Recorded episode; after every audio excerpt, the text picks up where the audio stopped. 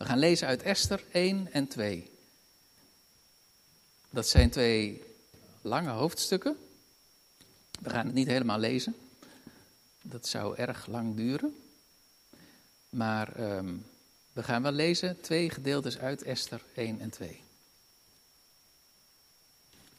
En uit Esther 1 lezen we e- e- vers 1 tot en met 5 en vers 9 tot en met 12. En vervolgens gaan we verder bij Esther 2, vers 23. Esther 1. Het gebeurde in de dagen van Ahasveros.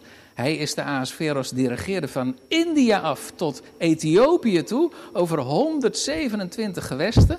In die dagen, toen koning Ahasveros op zijn koninklijke troon zat, die in de burcht Susan was, in het derde jaar van zijn regering richt hij een maaltijd aan voor al zijn vorsten en dienaren. De legerbevelhebbers van Perzië en Medië, de edelen en de vorsten van de gewesten waren bij hem, terwijl hij vele dagen lang de rijkdom en luister van zijn koninkrijk liet zien en de glansrijke luister van zijn grootheid 180 dagen. Toen die dagen voorbij waren, richtte de koning een maaltijd aan voor heel het volk dat zich in de burcht Susan bevond. Van de hoogste tot de laagste, zeven dagen lang in de voorhof van de tuin van het koninklijk paleis. En dan vers 9. Ook koningin Vasti richtte een maaltijd aan voor de vrouwen in het koninklijk huis dat van koning Ahasveros was. Op de zevende dag, toen het hart van de koning vrolijk was door de wijn, zei hij tegen Mehuman, tegen Bista, Garbona, Bichta en Abachta, Zetar en Gargas, de zeven hovelingen die dienden in de tegenwoordigheid van koning Ahasveros, dat zij koningin Vasti bij de koning moesten brengen, met de koninklijke diadeem getooid, om aan de volken en de vorsten haar schoonheid te tonen. Ze was namelijk knap om te zien. Maar koningin Vasti weigerde te komen op het woord van de koning, dat was overgebracht door middel van de hovelingen. Toen werd de koning verschrikkelijk kwaad en hij ontstak in woede. En dan hoofdstuk 2, vers 5. Intussen is het volgende gebeurd. De koning vraagt advies aan zijn adviseurs. En zij zeggen allemaal, u moet de koningin afzetten als koningin. En dat gebeurt, maar een paar jaar later verlangt de koning toch weer naar een koningin. En dan raden zijn adviseurs aan om uit het hele Perzische Rijk knappe meisjes te laten zoeken en die op te nemen in zijn koninklijke harem. Ze kunnen dan één voor één bij hem gebracht worden en dan kan hij de nieuwe koningin kiezen. Nou, dat vindt hij een uitstekend idee. Esther 2, vers 5. Er was een Joods man in de burcht Susan en zijn naam was Mordechai, de zoon van Jair, de zoon van Simei, de zoon van Kis, een man uit Benjamin. Die weggevoerd was uit Jeruzalem met de ballingen die weggevoerd waren met Jegonja, de koning van Juda, die Nebukadnezar, de koning van Babel, in ballingschap had gevoerd. En hij was het die Hadassa, dat is Esther, de dochter van zijn oom, opvoedde, want zij had geen vader of moeder. Het meisje nu was mooi van gestalte en knap om te zien.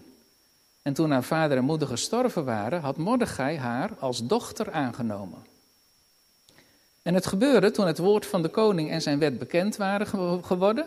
En toen veel meisjes verzameld werden in de burcht Susan onder de hoede van Hegai. Dat ook Esther meegenomen werd naar het huis van de koning onder de hoede van Hegai, de bewaarder van de vrouwen. En het meisje was welgevallig in zijn ogen. En ze verwierf gunst bij hem. En hij haastte zich om haar haar schoonheidsmiddelen en haar deel van het voedsel te geven en om haar zeven aanzienlijke meisjes uit het huis van de koning te geven. En hij plaatste haar en haar meisjes over naar het beste gedeelte van het vrouwenverblijf. Esther had haar volk en haar afkomst niet verteld, want Mordechai had haar geboden dat ze die niet zou vertellen. En elke dag wandelde Mordechai voor de, voor de voorhof van het vrouwenverblijf om de welstand van Esther te vernemen en wat er met haar zou gebeuren. En wanneer een meisje aan de beurt was om bij koning Ahasveros te komen, nadat ze twaalf maanden lang behandeld was, volgens de bepaling voor de vrouwen, want zoveel dagen duurde hun schoonheidsbehandeling, zes maanden werden ze behandeld met mirreolie en zes maanden met specerijen en schoonheidsmiddelen voor de vrouwen, dan kwam het meisje op deze manier naar de koning. Al wat zij vroeg werd haar gegeven, om met zich mee te nemen uit het vrouwenverblijf naar het huis van de koning. Ze kwam s'avonds en s'morgens keerde ze terug naar het tweede vrouwenverblijf onder de hoede van Saasgas, de hoveling van de koning, de bewaker van de bijvrouwen.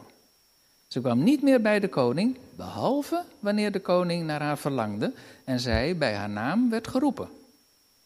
En toen de beurt van Esther kwam, de dochter van Abigail, de oom van Mordechai, die haar als dochter had aangenomen om bij de koning te komen, verzocht ze om niets anders mee te nemen dan wat Hegai, de hoveling van de koning, de bewaarder van de vrouwen, zei.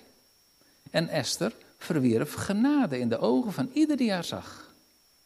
En Esther werd meegenomen naar koning Ahasveros, naar zijn koninklijk huis, in de tiende maand, dat is de maand Tebet, in zijn zevende regeringsjaar.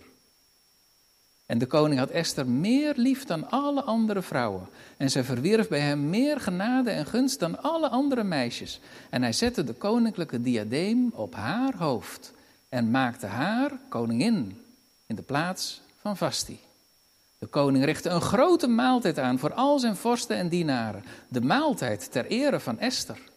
Hij zorgde voor rust in de gewesten en gaf geschenken naar het vermogen van de koning. En toen men nogmaals meisjes verzamelde, zat Mordechai in de poort van de koning. Esther had haar afkomst en haar volk niet verteld, zoals Mordechai haar had geboden. Want Esther deed overeenkomstig het bevel van Mordechai, evenals toen zij bij hem werd opgevoed. In die dagen, toen Mordechai in de poort van de koning zat, waren Bichtan en Teres, twee hovelingen van de koning, uit de kring van de deurwaarders, van de deurwachters, erg kwaad. En ze wilden de hand aan koning Ahasveros slaan. En deze zaak werd bekend bij Mordechai. En hij vertelde dit aan Esther, de koningin. En Esther zei het tegen de koning namens Mordechai. Toen de zaak onderzocht werd en juist bevonden, werden zij beide aan een galg gehangen. En in tegenwoordigheid van de koning werd dit in de kronieken opgetekend. Tot zover de lezing uit de Bijbel. Je bent een gelukkig mens, zalig ben je, als je de woorden van God hoort en ze bewaart, ze een plek geeft in je hart. Halleluja. De centrale teksten vindt u in Esther 1, vers 12a, waar staat. Maar koningin Vasti weigerde te komen op het woord van de koning. En Esther 2, vers 10, waar staat. Esther had haar volk en haar afkomst niet verteld, want Mordechai had haar geboden dat ze die niet zou vertellen. Thema niet zien en toch geloven. En straks na de preek zingen we uit het liedboek voor de kerken gezang 457, vers 3 en 4. Gezang 457, 3 en 4. Gemeente van onze Heer Jezus Christus, de afgelopen weken waren op allerlei plaatsen in Rotterdam uh, reclameborden te zien, zo rondom die lantaarnpalen, u kent dat wel, met daarop één woord. Het Engelse woord unseen, ongezien, unseen. Met heel kleine lettertjes stond er nog wat toelichting bij, maar dat kon ik niet lezen uit de verte, dus ik heb thuis maar eens gegoogeld en wat bleek, unseen is een theaterstuk. Daar wordt publiciteit voor gemaakt. En ik dacht, unseen, ongezien, dat zou eigenlijk een prachtige titel zijn voor het boek Esther. En zeker voor het boek Esther als een, als een theaterstuk. Esther is een schitterend geschreven Bijbelboek. En als lezer voelt het alsof je op de voorste rij zit in het theater. Er zijn vier hoofdpersonen. Een koning, die heb je vaak in een toneelstuk. Dan heb je een beeldschone koningin. Je hebt een schurk die een afschuwelijk plan bedenkt. En je hebt een held die samen met de koningin de redding brengt. Al met al lijkt het een heel romantisch toneelstuk met een happy end. Maar als we dan gaan lezen, dan klopt er toch het een en ander niet. En zeker als je beseft dat dit boek in de Bijbel staat, dan frons je toch je wenkbrauwen. Want dit hele boek begint niet zoals je zou verwachten. Leest u het thuis nog maar eens na, dat hele eerste hoofdstuk. Het is een en al pracht en praal. Een koning die 100 80 dagen feest viert, een half jaar. En uitgebreid wordt het paleis beschreven, de purperen kleden, de marmeren pilaren, de rustbedden van goud en van zilver, de mozaïekvloeren met parelmoer, de gouden bekers, elke beker uniek gemaakt. En dan aan het einde van dat half jaar wordt er als klapper nog een eindfeest gegeven. Nog zeven dagen, maar nu voor de hele bevolking van de burcht Suzan, de hoofdstad van het Perzische Rijk. Een rijk dat zich op dat moment uitstrekt van Ethiopië in Afrika tot aan India toe. Onvoorstelbaar. En op de zevende dag van dat feest, dat eindfeest, terwijl iedereen dronken is, denkt de koning opeens aan zijn knappe koningin Vasti. En hij zegt: Laat haar halen. Dan kan het hele volk zien en alle vorsten hoe bloedmooi ze is. Ja, wat zou er gebeurd zijn, denk je dan, als Vasti dat inderdaad gedaan had? Als knappe vrouw, te midden van al die dronken mansbenden daar verschijnen op het toneel. Het zou zonder enige twijfel fout zijn gegaan. Het zou de toets van MeToo niet hebben kunnen doorstaan. En dat weet Vasti ook. Ze weet van de oneindige macht van haar echtgenoot Ahasveros. De koning die, die we in de geschiedenis kennen als Xerxes I. Ze weet dat het enorm veel consequenties kan hebben als ze ingaat tegen het bevel van haar man. Dat kan van alles betekenen. Ze kan gestraft worden, ze kan afgezet worden. Ze is haar leven ook niet meer zeker. Vasti moet dat allemaal geweten hebben en toch zegt ze nee. Dat is zo'n moedige daad. Een oversexte samenleving, waar alle remmen los zijn en waar de hoogste autoriteit jou als een object wil tonen aan een menigte dronken mannen. En jij zegt nee. Je zou zeggen, zo'n geschiedenis past toch juist uitstekend in de Bijbel.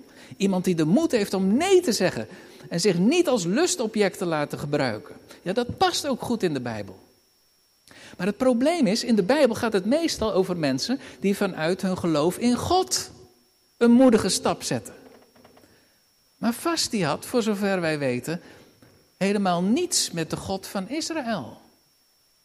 Hoe zit dat dan? Dat is toch vreemd? En het wordt nog vreemder in hoofdstuk 2. Inderdaad, Vasti wordt afgezet. Hoe het verder met haar gaat, dat wordt niet verteld. Maar haar plaats is dus vakant. Niet dat koning Ahasveros nu opeens een tekort aan vrouwen heeft. Die heeft hij in overvloed in zijn harem. Maar er is niet één belangrijkste vrouw, één koningin. Vier jaar later gaat dat vreten aan koning Ahasveros. Uit de geschiedenis weten we dat hij inmiddels een veldtocht tegen de Grieken heeft ondernomen. En die is niet goed verlopen. Hij heeft daar verschillende nederlagen moeten incasseren. En thuisgekomen in de burcht Suzan verlangt hij naar een koningin. Een vrouw die hem troost, die hem opbeurt, die hem blij maakt. En dan worden er knappe meisjes uit het hele rijk bij elkaar gebracht in de koninklijke harem. En vervolgens komt Esther op het toneel. Esther, een wees. Een meisje zonder vader en moeder.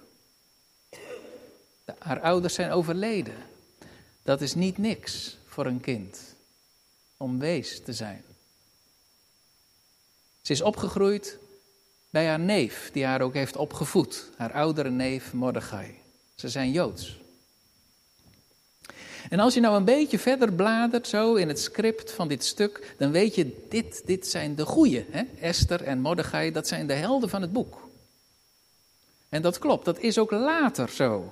Maar als je goed kijkt, dan zijn het hier nog helemaal geen helden. Want wat staat er nou in, in, in hoofdstuk 2, vers 10? Er staat, Esther had haar volk en haar afkomst niet verteld, want Mordechai had haar geboden dat ze die niet zou vertellen. Waarom eigenlijk niet? Schaamde Mordechai zich voor zijn afkomst? Of was het gewoon een kwestie van uh, Nou ja, wat doet dat ertoe? Als je nog wat scherper gaat kijken, dan past het in een patroon. De familie van Mordechai en Esther hadden 61 jaar eerder al mee terug kunnen gaan naar Jeruzalem. Dat was het moment dat koning Kores de Joden uit de ballingschap toestemming gaf om terug te gaan. Ongeveer 42.000 Joden deden dat. Ze keerden terug. Dat was ongeveer een vijfde van de Joodse gemeenschap in Babylonië.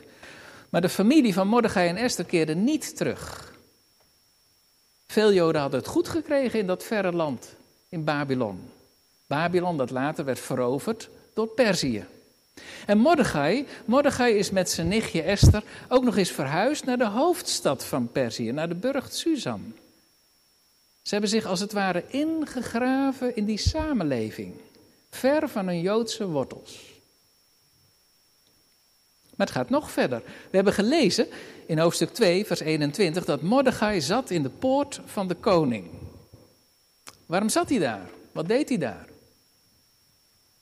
Nou, in die tijd was de poort de plaats waar eigenlijk alles gebeurde. Waar recht werd gesproken, waar werd gehandeld. Mordechai zat daar niet de hele dag maar een beetje te niksen.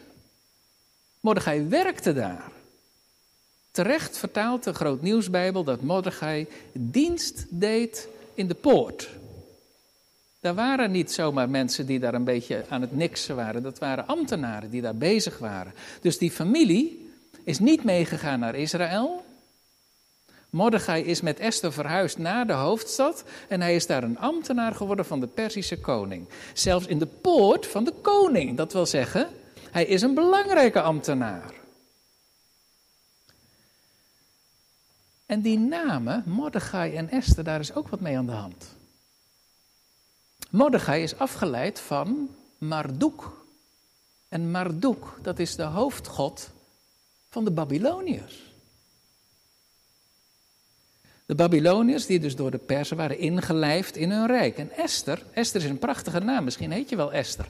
En dan ben je een gezegend mens met zo'n mooie naam. Ster betekent het. Esther is een Persische naam. Maar ongetwijfeld deed het mensen in haar omgeving denken aan de Babylonische godin Ishtar. Eigenlijk heette ze Adassa. Adassa, dat betekent Mirt, dat is zo'n boom die heerlijk ruikt. Maar die Hebreeuwse naam die haar ouders haar gegeven hebben, die verdwijnt al heel snel naar de achtergrond. Laat iedereen haar maar bij haar Persische naam noemen: Esther. En daarmee is het plaatje rond. Deze twee mensen, Mordechai en Esther, hebben er totaal geen belang bij dat ze bekend staan als Joden. Ze zijn helemaal opgegaan in de Persische samenleving. En natuurlijk, ze zijn Joods. En ze zullen ongetwijfeld de God van Israël hebben gediend.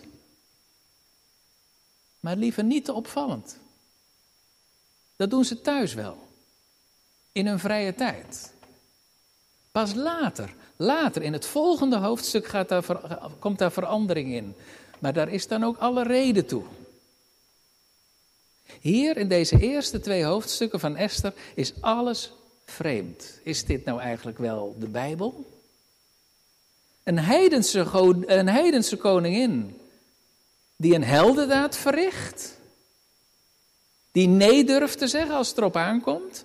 En twee Joodse mensen die hun geloof wegmoffelen, die daar niet mee te koop willen lopen. Daar heeft niemand wat mee te maken. En dan al die pracht en die praal en zo'n heidense samenleving. Je vraagt je af, waar is God eigenlijk? Wat vindt hij van dit alles? Had hij vast die niet kunnen beschermen? En als Vasti aan de kant wordt geschoven omdat ze een terecht statement maakt, moet dan die lege plaats worden ingenomen door een Joods meisje? Moet zij dan wel bereid zijn om te voldoen aan alle grillen van Aasveros? Dat huwelijk van Aasveros en Esther, dat lijkt misschien wel op het huwelijk waarover we zongen uit Psalm 45. Dat koningshuwelijk, maar schijn bedriegt. Want die koning in Psalm 45 is een held. Terwijl koning Ahasveros vrouwen onderdrukt en een half jaar lang feest ligt te vieren op een, op een gouden rustbed. Alles rammelt. In Esther 1 en 2 is alles anders dan je zou verwachten. Inderdaad, waar is God eigenlijk? De Heere, de Heilige van Israël. Hij is kwijt. Want als je zijn naam gaat zoeken in het boek Esther, dan kun je blijven zoeken. Maar je zult hem niet vinden. Nergens in Esther wordt zijn naam genoemd. En juist daardoor, door al deze dingen, komt dit boek zo ontzettend dichtbij. Want heb je dat eigenlijk ook niet? Dat je dat soms denkt, waar is God? Waar bent u, Heere God? De naam van God die is toch bij ons ook heel vaak afwezig. Als je mensen spreekt die uit Afrika komen, die kunnen het niet begrijpen. Overal in de samenleving is God afwezig bij jullie. Bent u wel eens in Ghana geweest? Op alle auto's staan stickers: Jesus loves you en God loves you en noem het maar op. Maar hier, zelfs bij de nationale dodenherdenking, geen woord over God. Niets. In de media was deze week heel veel commentaar op de begrafenis van koningin Elisabeth. Dat ging wel heel veel over God. Echt Engels, dat zou hier niet passen, zeiden de commentatoren. En hoe is het eigenlijk in, uh, in uw leven, in jouw eigen leven? Heel wat mensen zeggen tegen mij: In grote delen van mijn leven is God eigenlijk afwezig in mijn werk, in de buurt, in de sportschool. Hij speelt gewoon geen rol. En zo kan God ook uit je eigen brein verdwijnen. Geert Max schreef zijn beroemde boek Hoe God verdween uit Jorwert. En misschien kun je eigenlijk je eigen boek wel schrijven, hoe God verdween uit mijn leven. En kijk nog eens goed naar Vasti en naar Mordechai en Esther. Op wie lijk je nou eigenlijk meer? Op die dappere Vasti? Of op Mordechai en Esther, die het wel prima vindt als mensen niet te veel weten over hun geloof en over hun afkomst en over het volk van God waar ze bij horen? Ben jij degene die op je werk een statement maakt? Of ben jij degene die zich eerder terugtrekt in de schaduw? De wereld van Esther 1 en 2, dat is jouw en mijn wereld. En de mensen die we bewonderen, die echt wat durven, die zijn lang niet allemaal christen. Is die vrouw met haar bord in het Russische journaal, hè? u weet dat nog wel. Die vrouw die protesteerde tegen de oorlog in het Russische journaal. Marina Ovsjanikova, is die christen? Ja, het zou kunnen, maar ik weet het echt niet. Hoe dan ook, ik bewonder haar enorm. Nog een paar weken terug in de rechtszaal hield ze weer een bord omhoog om te protesteren tegen de oorlog. Laten we het maar eerlijk tegen elkaar zeggen. Wat we hier lezen komt zo dichtbij. Een wereld waarin God zo vaak afwezig lijkt. Waarin gelovigen vaak tegenvallen. En mensen die niet geloven of anders geloven vaak meevallen. Dit is zo verwarrend, vindt u nou niet? En toch, toch is er meer te zeggen. Want het boek Esther gaat door. En wat blijkt? In deze twee hoofdstukken heeft God alles al zo geregeld dat daarmee de eindoverwinning al vaststaat. Achter de schermen is hij de hele tijd aan het werk geweest. In het boek Esther ontwikkelt zich een machtsstrijd tussen de boze, de Satan en God zelf. De Satan heeft een plan. Hij wil het reddingsplan van God dwarsbomen. De Messias mag nooit geboren worden en die Messias zal geboren worden uit het volk Israël. Dus wat denkt de Satan? Als dat volk Israël vermoord is, geliquideerd, dan kan er nooit een Messias komen. Een machtsstrijd tussen de boze en Satan. De boze, Satan en God zelf. En al hier in de eerste twee hoofdstukken heeft God in dat grote schaakspel zijn tegenstander schaakmat gezet. Op het moment dat Haman zijn vreselijke plan nog moet gaan bedenken, zelfs voordat Haman genoemd is in Esther, heeft God zijn stukken al zo op het schaakbord gezet dat de nederlaag van de Satan al vast staat. Koningin, es, koningin Vasti is afgezet en koningin Esther, een Joods meisje, heeft haar plaats ingenomen. Mordechai heeft een samenzwering tegen de koning ontdekt. Hij heeft die samenzwering via Esther aan de koning bekendgemaakt. En dat is al allemaal opgeschreven in de kronieken van de koning. Wat hier gebeurt in hoofdstuk 1 en 2, dat zal later in het boek blijken de sleutel te zijn voor de redding van het Joodse volk. Dus hoe onzichtbaar God ook is, hij werkt wel degelijk. Onderschat hem nooit. Achter de schermen zet hij zijn tegenstander schaakmat. En dat doet hij nog steeds vandaag de dag. Kijk maar eens even naar hetzelfde gebied, Perzië. Iran nu. In 1979 werd de Shah van Perzië afgezet. En kwamen de Ayatollahs aan de macht. Eerst Ayatollah Khomeini en later Ayatollah Khamenei. En iedereen die voor 1979 al christen was, die mocht dat blijven. Dat waren ongeveer 200.000 mensen. Maar het werd verboden om van de islam over te gaan naar het christendom. Er brak een vreselijke vervolging uit van christenen. Die duurt tot vandaag de dag. Op de ranglijst christenvervolging staat Iran op de negende plaats. Jarenlang leek het wel alsof God afwezig was. Het leek erop alsof het christelijk geloof in Iran nooit meer een toekomst zou kunnen hebben. Hoe kon God het toestaan dat christenen zo werden vervolgd? Had hij Iran vergeten? Perzië? Maar in de afgelopen decennia ging het een heel andere kant op dan iedereen had verwacht.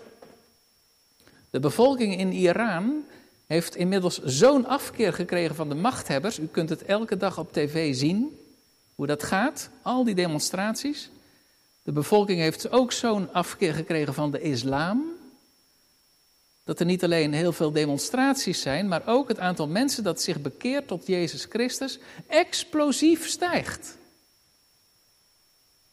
De seculiere onderzoeksgroep Gamaan hield een enquête onder 50.000 Iraniërs en publiceerde in 2020 een rapport waarin het stelde dat het aantal christenen in Iran heel snel aan het groeien is richting 1 miljoen. En gezien op het aantal Iraniërs, totaal 80 miljoen, lijkt dat nog niet zo'n groot getal. Maar die groei is exponentieel. Het gaat enorm snel. In 2019 klaagde de toenmalige Iraanse minister van Veiligheidsdiensten er openlijk over dat er zoveel mensen in Iran christen worden. Deze minister, Mahmoud Alavi, die zei dit. Vaak zijn het heel gewone mensen, zoals broodjesverkopers en zulke mensen. Het gebeurt gewoon voor onze ogen. Mensen worden christen. God leek afwezig. Maar achter de schermen was hij bezig om zijn tegenstander schaakmat te zetten. Het boek Esther is zo'n bemoedigend boek. Want al wordt God nergens genoemd, nergens, net als in onze samenleving. Hij is overal aanwezig. Als je het maar ziet. Als je het maar ziet. De Heere gaat heel rustig zijn weg. Niet door spectaculaire acties. Niet door superhelden in te schakelen. Nee, hij schakelt gewone mensen in. Mensen zoals Mordechai en Esther. Mensen die liever niet te koop lopen met hun geloof. Mensen die zich liever terugtrekken in de schaduw. Mensen die niet dapper zijn. Maar zulke mensen, zoals Mordechai en Esther, blijken te kunnen groeien in moed, in durf, in kracht in geloof. Want in het volgende hoofdstuk, hoofdstuk 3, is het Mordechai die nee zegt. En in hoofdstuk 4 besluit Esther om haar leven op het spel te zetten. Ze zegt: Kom ik om, dan kom ik om. U en ik, jij en ik, de meeste van ons zijn ook gewone mensen. Een mens wordt meestal niet als held geboren. Maar op zijn eigen manier, ongezien, werkt God met zijn Heilige Geest in ons leven. En als je dicht bij Hem leeft, dan brengt Hij je van binnenuit tot stappen waarvan je van tevoren nooit had verwacht dat je ze ooit zou kunnen zetten. Hij geeft je vrijmoedigheid, hij geeft je durf, hij geeft je lef. Maar hij doet het ongezien, unseen. Want zo is God. En zo kwam ook zijn zoon op aarde. Als je hem zag, zou je nooit hem gezegd, van hem gezegd hebben dat hij de Messias was. Hij kwam om die woorden van Jezaja in vervulling te brengen. Die woorden van, de, van Jezaja over de knecht van de Heer. Hij zal niet twisten. En hij zal niet roepen. En ook zal niemand zijn stem op de straten horen. Het geknakte riet zal hij niet breken. En de walmende vlaspit zal hij niet doven. Totdat hij het oordeel uitvoert tot overwinning. En op zijn naam zullen de heidenen hopen. Misschien denk je soms in je leven: waar is God eigenlijk? Ik zie hem niet. Net als in dat boek Esther. Waar is zijn naam?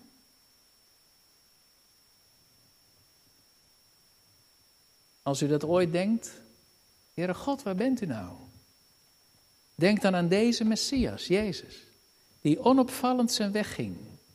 Niet met pracht en praal, maar op een ezeltje reed hij de stad in. Jezus die stierf als een misdadiger aan het kruis. Maar juist op die manier redde hij de wereld. Door op die manier redde hij u en jou en mij. Unseen. Toen ik die poster zag, moest ik denken aan een boekje uit mijn kast. Een boekje dat ik ooit van iemand kreeg. Het is geschreven in de 17e eeuw door Thomas Vincent. En het heet Love to the Unseen Christ. Liefde voor de Christus die je niet hebt gezien. Die titel is ontleend aan 1 Petrus 1, vers 8, waar Petrus zegt over Jezus: Hem hebt u lief zonder hem ooit gezien te hebben. Laat je nooit ontmoedigen als je niets van God ziet. Nooit. Nooit. Vertrouw erop dat Hij er is, achter de schermen. Unseen. En geloof in Jezus Christus, zijn zoon, die het gezegd heeft tegen Thomas en die het vandaag, vandaag zegt tegen u, tegen jou en tegen mij. Zalig ben je, gelukkig in God. Als je niet gezien hebt en toch gelooft. Amen.